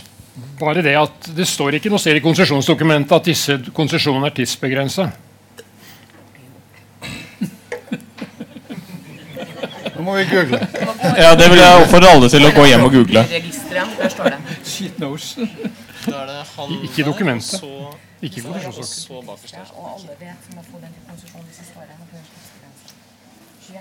Ja, det må nå være i registeret. Ja, jeg heter Arne Hansen. Jeg er regionleder i Norges Miljøvernforbund i Midt-Norge. Jeg jobba veldig mye med å få, prøve å få næringa her inn i, i lukka anlegg, for det er faktisk den eneste måten å løse problemene på. Eh, Men jeg har to ting som jeg bestandig lurer på når det blir snakk om sånne ting. Det er to ting som bestandig blir tatt opp fra foredragsholderne. At eh, grunnen til dette her er næringa er så svær og er så veldig viktig for Norge. Og det betyr veldig mye for eh, å fôre verden med mat. Det starter bestandig sånne ting med. Eh, hvis 14 millioner måltider det er det næringa sine egne tall, mat, middagsmåltider hver eneste dag produseres det. 14 millioner eh, måltider det er det samme som eh, Tokyo by. Altså, hva har det med verden å gjøre? Hvordan kan vi klare å fôre verden med mat? Det går ikke an. Eh, en annen grunn til at det ikke går an, er at det er bare de som har råd til å kjøpe maten, som, som kjøper den. Det har ikke noe med fattige i verden å gjøre. i hele tatt. Det andre er at det er snakk om så stor verdiskapning for landet. Vel, 1% av bruttonasjonalprodukt, er det mye? Det er mitt spørsmål til panelet. Ja. Ja, jeg kan, eh, jeg kan godt svare på det. Det er jeg helt eh, enig med innleggsholderen her. At den der eh, å fremstille det her som at ja, vi må godta noen miljøkonsekvenser for vi skal mette de fattige og sånn, det, det vet alle at det ikke stemmer. Dette er et produkt som den rike eller middelklassen da kan kjøpe. Eh, I hvert fall når det gjelder norsk laks. Den er så høyt prisa at det er ikke noe for, eh, for fattige. Eh, det andre er at det stemmer at det stadig fremstilles som at vi skal leve av det her etter oljen. Og det, da blir det smalhans. Altså, for dette er som sagt oppunder 1% av BNP. Det vi faktisk snakker om. Selv om det høres ut som det er voldsomt mye mer. Bare et raskt oppklaringsspørsmål. Så, sånn som jeg har forstått det, så er, så er det middelklassen, den voksne middelklassen i Kina og Asia som er som hovedkundegruppen her. Og at argumentet fra næringen er at det er bedre at de får det proteinet de nå har råd til gjennom fisk, enn gjennom kjøtt. Av klimagrunner. Det høres, Om det ikke er det perfekte argumentet, så høres det bedre ut at man skal få de fattige med det. Ja, enig. Enig. Men eh, det kommer mange argumenter på at her skal, vi- skal vi fø verdens befolkning, og det gjør vi ikke med oppdrettslaks. altså. Eh, jeg syns det er litt fint å få det spørsmålet. Fordi at eh, akkurat de argumentene er jo det vi har lest i avisene de siste ti årene. Både én at det brukes til å ikke fø den fattige delen av befolkninga. Og to at det er så lite av BNP. og det Egentlig så betyr det ingenting.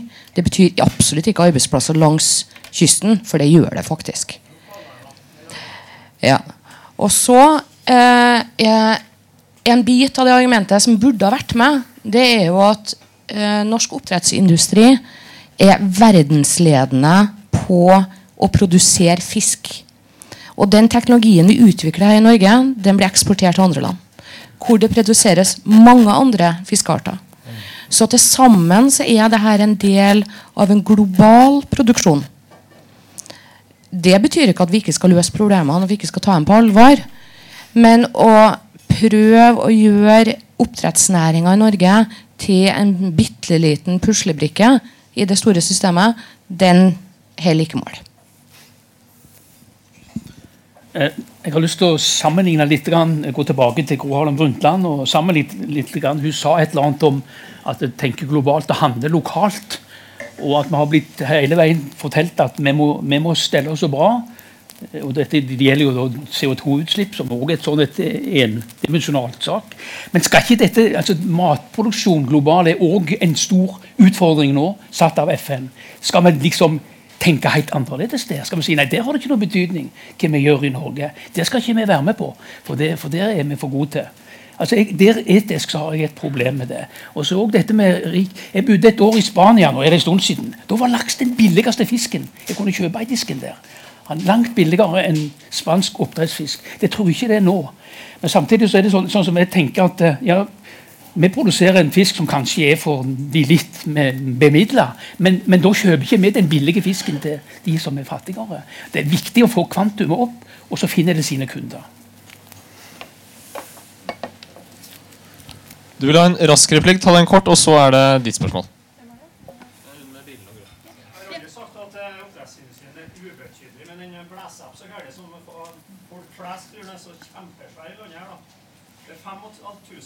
ansatte i oppdrettsindustrien per dags dato. Det er ikke mer enn på Ullevål sykehus. det. Mm. Hvordan kan de bli så enormt svære mm. når de ikke er det? Mm. Eh, hvis du lukker anleggene, så får du flere arbeidsplasser i Norge. Akkurat enn hva du får med åpne anlegg. Ja, nettopp.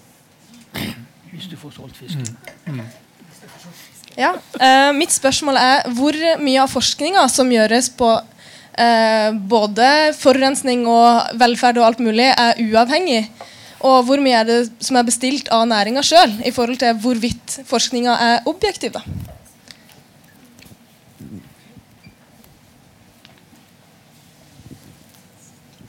Det er mye gode spørsmål. Jeg syns det er artig å svare dem. eh, det her er jo en del av en debatt som Morgenbladet kjørte i gang i høst. Eh, og de satte jo da et kritisk søkelys på den forskninga som kom fra FHF, Fiskeri- og havbruksnæringens forskningsfond. Det forskningsfondet er jo etablert av penger som er en lovpålagt eksportavgift på norsk havbruksnæring. Så alle pengene som går til det fondet, kommer fra næringa. Eh, det fondet har eh, gjennom tidene eh, fungert på litt ulikt vis. Det vil si at Per i dag så har det gjort store endringer i det fondet. Eh, Morgenbladet kritiserte fondet for å være veldig selektiv i sine for, uh, utvalg av forskningsprosjekter. De har endra For det var en rapport fra 2007. De siste ti årene så er det en, nei, unnskyld, 2011. De siste seks årene så er det gjort store endringer i FHF sitt sammensetning, sånn at en del av det problemet er borte, men det kan nok bli bedre. Det viktigste som Morgenbladet, glemte å si, det var at hvis en norsk bedrift bestiller forskning, så f.eks. Statoil, så vil de klausulere den forskninga. Den vil være stengt i si ti år, så ingen andre kan bruke de forskningsresultatene. Når FHF bestiller forskning, så er den åpen for alle. Miljøvernforbundet, alle sammen i hele Norge, kan bruke den forskninga, for den ligger åpent tilgjengelig. Det er en del av den potten. Den andre potten kommer fra uh, Forskningsrådet, som også er sammensatt av bl.a. Uh, representanter fra WWF og andre som sitter her. Så egentlig så tror jeg vi har en veldig god forskningsfinansieringsstruktur i Norge. Da var det Jon Olaf eh, som sa den en kommentar. Eh, ja, jeg har jo også lest denne Morgenblad-reportasjeserien med stor begeistring. Blant annet så jeg var en av de som var omtalt som de forbannede lakseforskerne der.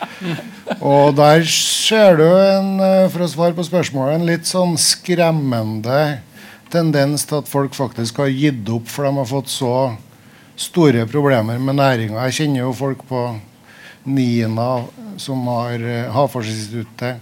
Folk som har rett og slett uh, fått årsverk ødelagt for de har måttet ha rapportert og rapportert og rapportert til det her, uh, mot de her anklagene de har fått mot seg fra næringa. Og Da syns jeg det var litt befriende at Morgenbladet faktisk da brukte samme taktikk og ba om å få utlevert e-postdokumentasjon til Morgenbladet, nei, til FAF Havbruk, og fikk sånne utsagn på e-post om at nei, jeg vier det til Sintef. De er vennlige. De er næringsvennlige. Så uh, mulig det er bedre nå, men uh, helt bra er det ikke. Nå er jo FHF en liten del av, uh, av den totale forskninga på oppdrett, så vi skal ikke henge oss opp i det. Men jeg tror nok at instituttsektoren Jeg var jo ute før jul her og stilt litt spørsmålstegn ved Sintef, f.eks. Sintef Ocean. De har gjort oppsiktsvekkende lite kritisk mot oppdrettsnæringa. Det, altså det er bare ja, det, For meg det er veldig mye gode forskere der, men jeg vet jo, du, for å få prosjekt så må du stille de spørsmålene næringa ønsker å ha svar på, og helst dem de vet hva svaret er på. Nå, nå, nå er ikke Sintef her og kan forsvare seg, men når, når, de sender søk, sine søknader til Forskningsrådet og til, til FHF spesielt, for det er utviklingsprogrammene Jeg synes på en måte det, du, du, du drar det litt vel langt. Og, og da, det, jeg skal bare si en ting. En, en, en, av, en av grunnene er at de jobber på en annen måte enn kanskje du gjør. De jobber mot sammen med bedriftene. Kanskje de får justert tingene på vei, og så er det ikke noe sak lenger. Altså den, det er slik vi må jobbe. Det var det jeg snakket om i starten. Jobb sammen. Da får du gjort noe. Da får du korrigert og gjort noe. Men, men nå har jeg, hvis jeg får svar på det, bare som en replikk Du har jobba i Sintef, ja. sant? Det har vi hørt. Ja, og da vet jeg jo det at det er jo nettopp sånn at næringa sier ja, du får forske på det og det. Vi er ikke interessert i det. Kort replikk fra Tone. Jeg jobber i instituttsektoren, ikke Sintef. Men eh, det er helt enig med Ingvar om at eh, skal man eh, forske i instituttsektoren, så er det fullt mulig å være kritisk. Men du trenger ikke gjøre lage deg fiender før du begynner prosjektet. Så det man gjør, er at man finner temaer som er interessant for næring og forskning. Men jeg har presentert negative resultater til næringa, og har ikke hatt noe problem med det. Verken i å få eh, gehør for andre resultater senere, eller de samme resultatene. Og jeg har tvert imot blitt oppmuntra til å presentere dem videre og videreformidle dem. Så jeg kjenner meg ikke igjen i den virkeligheten i hele tatt. Var det replikk der borte?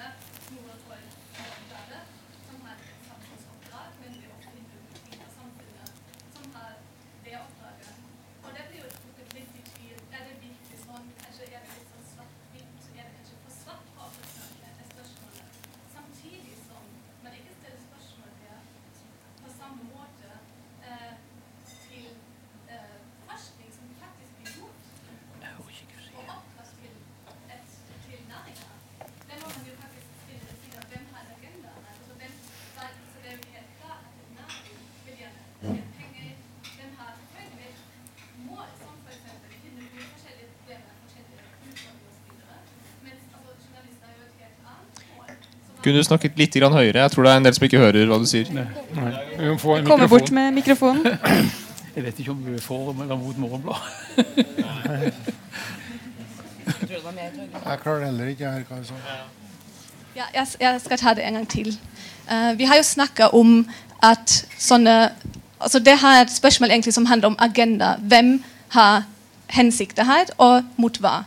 Så har vi snakka om Morgenbladet, som, for- som f.eks. har skrevet eh, mange mange artikler om oppdrettsnæringa, som da har også blitt drukket litt i tvil. Ikke sant? Nå har vi snak nettopp, nettopp snakka om at okay, kanskje har de framstilt det litt svart, så at det blir negativt for, for næringa. Men vi må jo spørre oss hvem har et samfunnsoppdrag her. Journalister ser jo på en måte for det som vi som samfunnet skal, skal kunne Vi skal bli opplyst, ikke sant?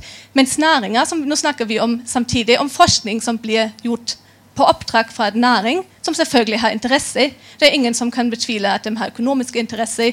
At de selvfølgelig vil at pengene de bruker og investerer, skal bli brukt for at det blir ivaretatt, de interessene. Så vi må jo alltid, når vi diskuterer om sånne ting, spørre hvem har en agenda her? Og det er jo ikke journalistene, de fem-seks folk som jobber i Morgenbladet, som jobber med det her. Hva er deres agenda, annet enn at de vil opplyse befolkningen? Det er jo et oppdrag en avis har.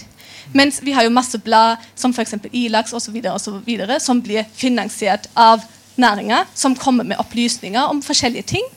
Og publiserer og publiserer. Dette blir merkelig nok ikke virkelig diskutert her. Samtidig så dras det fram en uavhengig avis som da kanskje vinkler ting feil. Og det syns jeg er litt feil, og da vil jeg gjerne vite hva dere har å si om.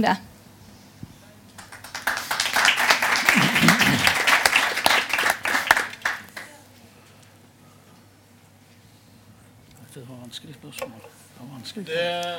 Nei, vet du hva? Jeg representerer Sintef Ocean. Jeg er forskningssjef i Sintef Ocean, og vi er to stykker her. Um, og det er ganske useriøst, det som kommer fra han Jon, eh, Jan Olaf. Jon Olaf. Mm. Vi har forskere som er Altså, de har De eh, gjør en solid jobb, objektiv forskning.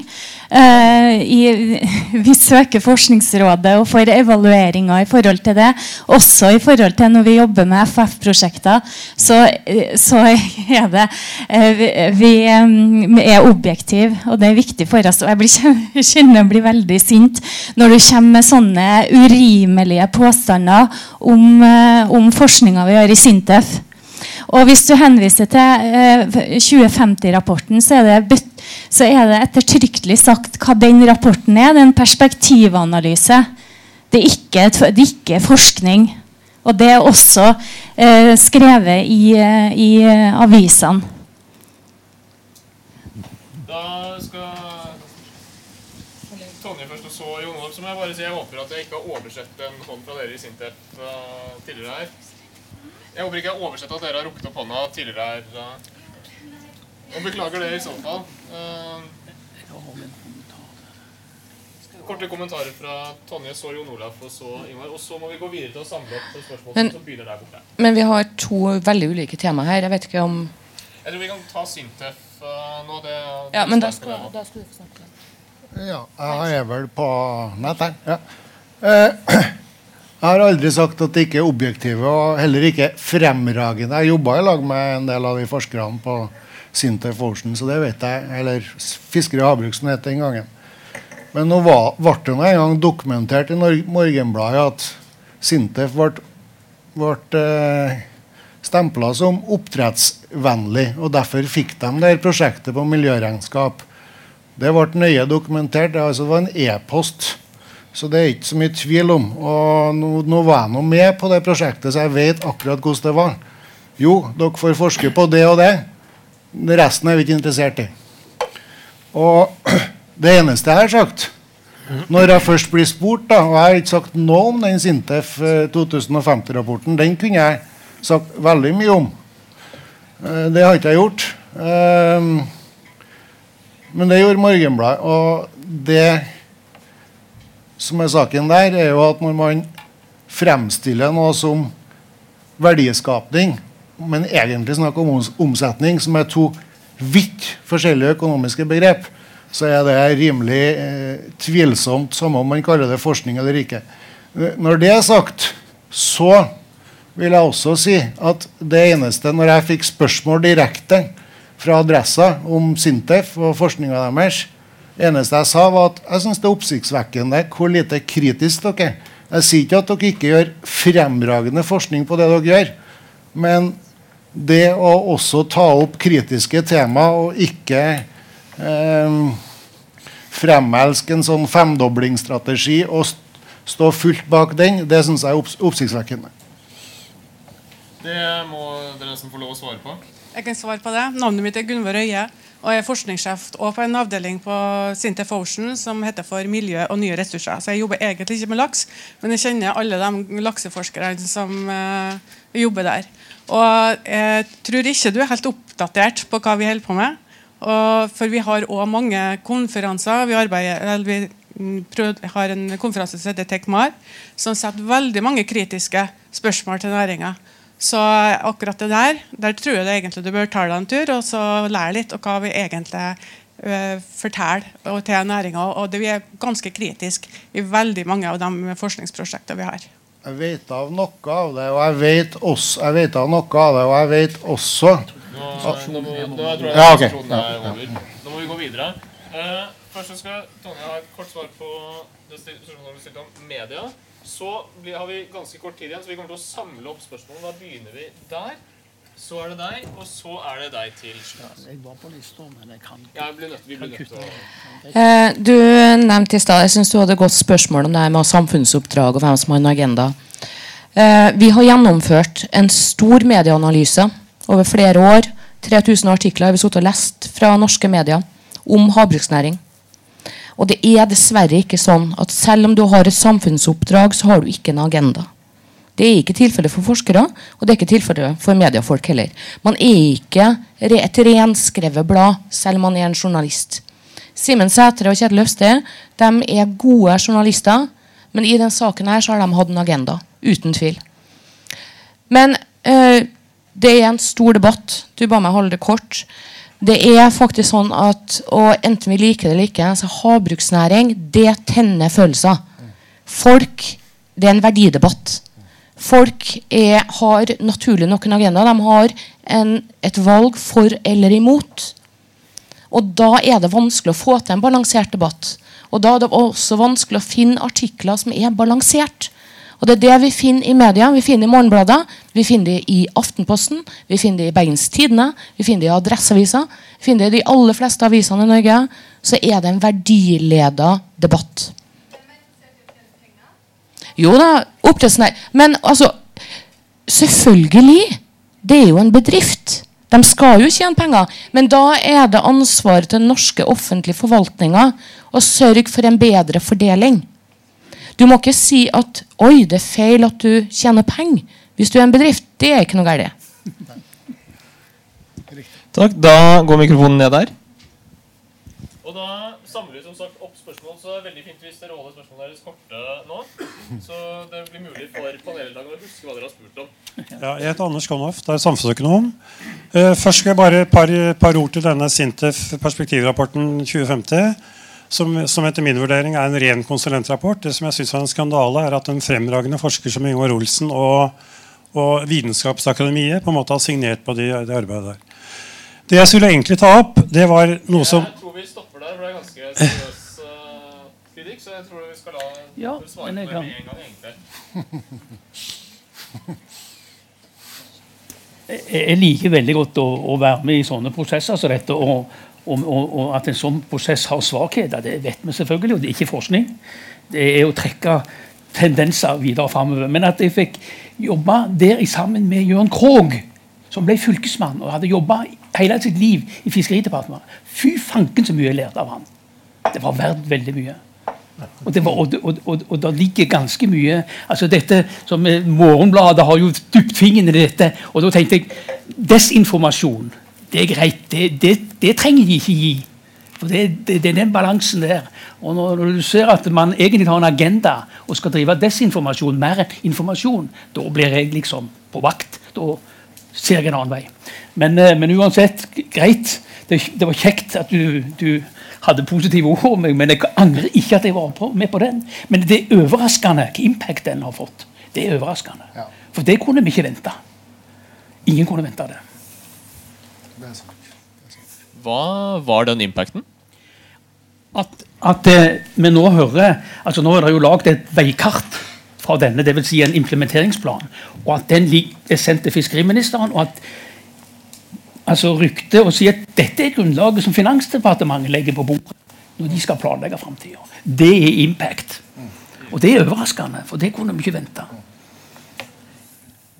Da er det neste spørsmål. Ja, hei igjen. Eh, dere snakket jo tidligere om eh, indikatorer for rødt og gult og grønt lys i oppdrettsnæringen. Og jeg lurer på hvorvidt eh, helsekonsekvensene av eh, laks for menneske blir tatt med i denne vurderingen. Det har jo vært skrevet litt om for høyt innhold av miljøgifter i selve laksen i forhold til det som er anbefalt for mennesker å ta inn.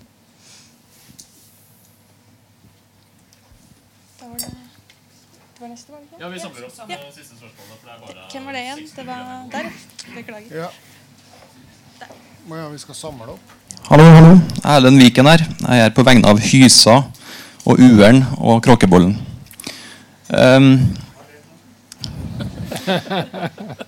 når vi vet det vi vet om sysselsetting langs kysten, og hva kystfiske betyr kontra oppdrett Vi vet hva utslipp på 500 000 tonn avføring gjør i året med fjordene våre og brudd på føre-var-prinsippet og eh, sysselsetting langs kysten og eh, lokalbefolkning som bor der.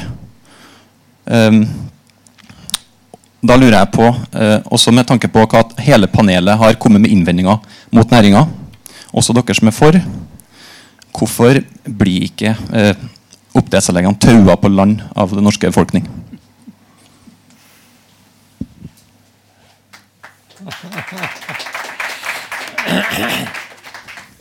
Ok, Da begynner vi med spørsmålet derfra. altså Om hvorfor helsekonsekvensene av å spise laks ikke er en del av trafikklyssystemet. Som er sånn jeg Ja, eller i hvilken grad det diskuteres. Ja. Ja, så, så vidt jeg vet, så diskuteres det veldig lite. For nå har de landa på at det er lakseluspresset på villaksen som er viktig. Og vi og panelet er jo helt enige om at det skulle ha vært mye mer. Eh, om eh, konsekvensen av å spise laksen hører med der, det er jeg litt usikker på. Det blir litt sånn eh, Ja, det blir litt vanskelig, tror jeg. Der må det andre sektorer inn. Altså jeg kan bare svare på hva som tas i betraktning. og Dette er et av de forholdene som ikke tas i betraktning. og Det var jo sagt fra din side at det tas jo altfor mye hensyn i betraktning allerede med en enorm overorganisering eller underorganisering av disse. Jo, du, var, du sa jo det var så problematisk med alle de organene som skulle ha dette til behandling. Eh, nei, det sa jeg ikke. Du har lyd på nå? Ja, det. Nei, det sa jeg ikke. Jeg sa at det er mange instanser som regulerer havbruksnæringa i dag. Men jeg sa ikke at det var problematisk. Jeg sier at det er nødvendig. Men de må også samordne seg. fordi at havbruk er en komplisert næring. Og den trenger en forvaltning som er i stand til å se alle aspektene av den næringa. Så det betyr, Jeg sier ikke at man skal gjøre det for enkelt. Nei, Så da støtter du at det tas inn det hensynet hun Nei, det gjør jeg ikke. Fordi at uh, Det kan være en av indikatorene som vurderes. Ja, det mener jeg. Man burde vurdere det. Helt enig. Men så vidt meg bekjent Men nå er jeg da ingen eh, ekspert på helse. Og du derimot kan svare på det. Ja, da sender jeg dem videre til deg. Nei, men, men jeg, jeg, har bare en kommentar. Hadde, jeg, jeg, har en datter som nettopp har fått smått, eller et år siden. og Da, fikk jeg lære om noe som heter Statens råd for hva hun skulle spise. og Der var jo, der var jo veldig fyldig og god dokumentasjon og advarsler mot. og Jeg tror laks kunne spise to ganger i uka. Og, sånt, og, men altså, og andre fisker skulle være enda mer forsiktig med, og, og, noen var ikke problem. og Det har noe med om det er mye fett i dem. Men, men eh, det som på en måte, det, der, der er jo et, et, et, Fiskeridepartementet, hvis det heter det ennå, har jo et institutt som Jeg vet ikke hvor nøye de følger dette.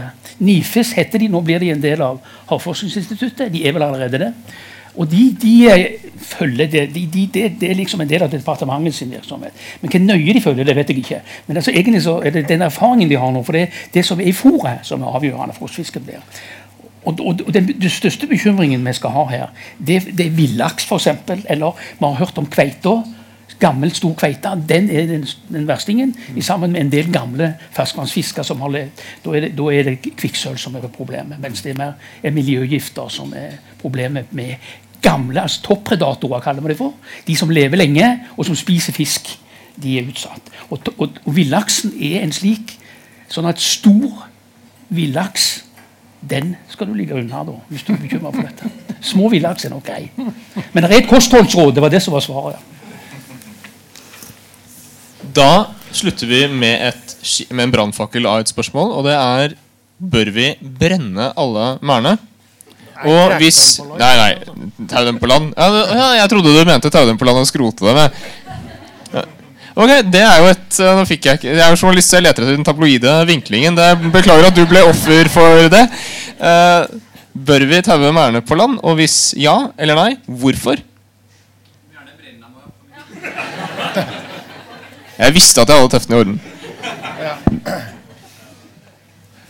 ja, men det er jo, det er jo interessant problemstilling du bringer opp, for det er jo faktisk flere fiske, fiskeriarbeidsplasser enn det er oppdrettsarbeidsplasser langs kysten. Nesten dobbelt. Så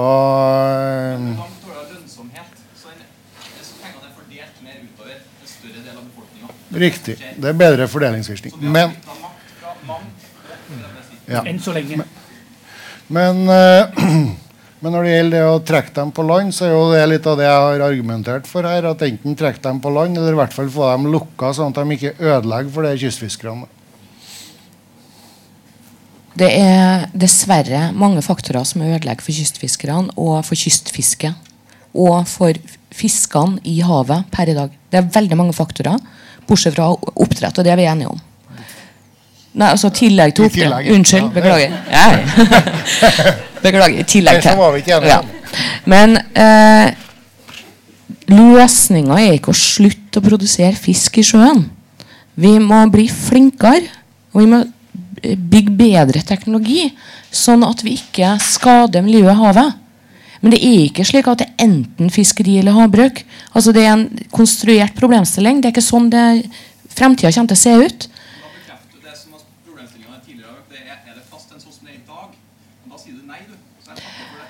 Nei, jeg sier at det er plass til den i dag. Men jeg tror ikke det er plass til så veldig mye mer, nei.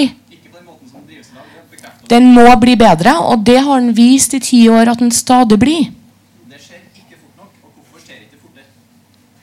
Det skjer veldig fort. Mm. Ja, nå stopper jeg. Vær så god. Kan vi få noe bevis? Altså, du, diskuterer folk sine verdier. Det har veldig lite hensikt. Det, ja, den typen anslag blir veldig vanskelig å, å si noe om. Men du hadde, hadde du en kommentar? Nei, jeg, jeg, jeg tok den og takk for hofta. Ja, Hvis det da ikke er flere kommentarer Vi har ikke tid til flere spørsmål, tror jeg. Så da sier vi tusen takk for uh, i kveld, og tusen takk til alle paneldeltakerne. De, dere ga dem applaus i stad, men de fortjener en til.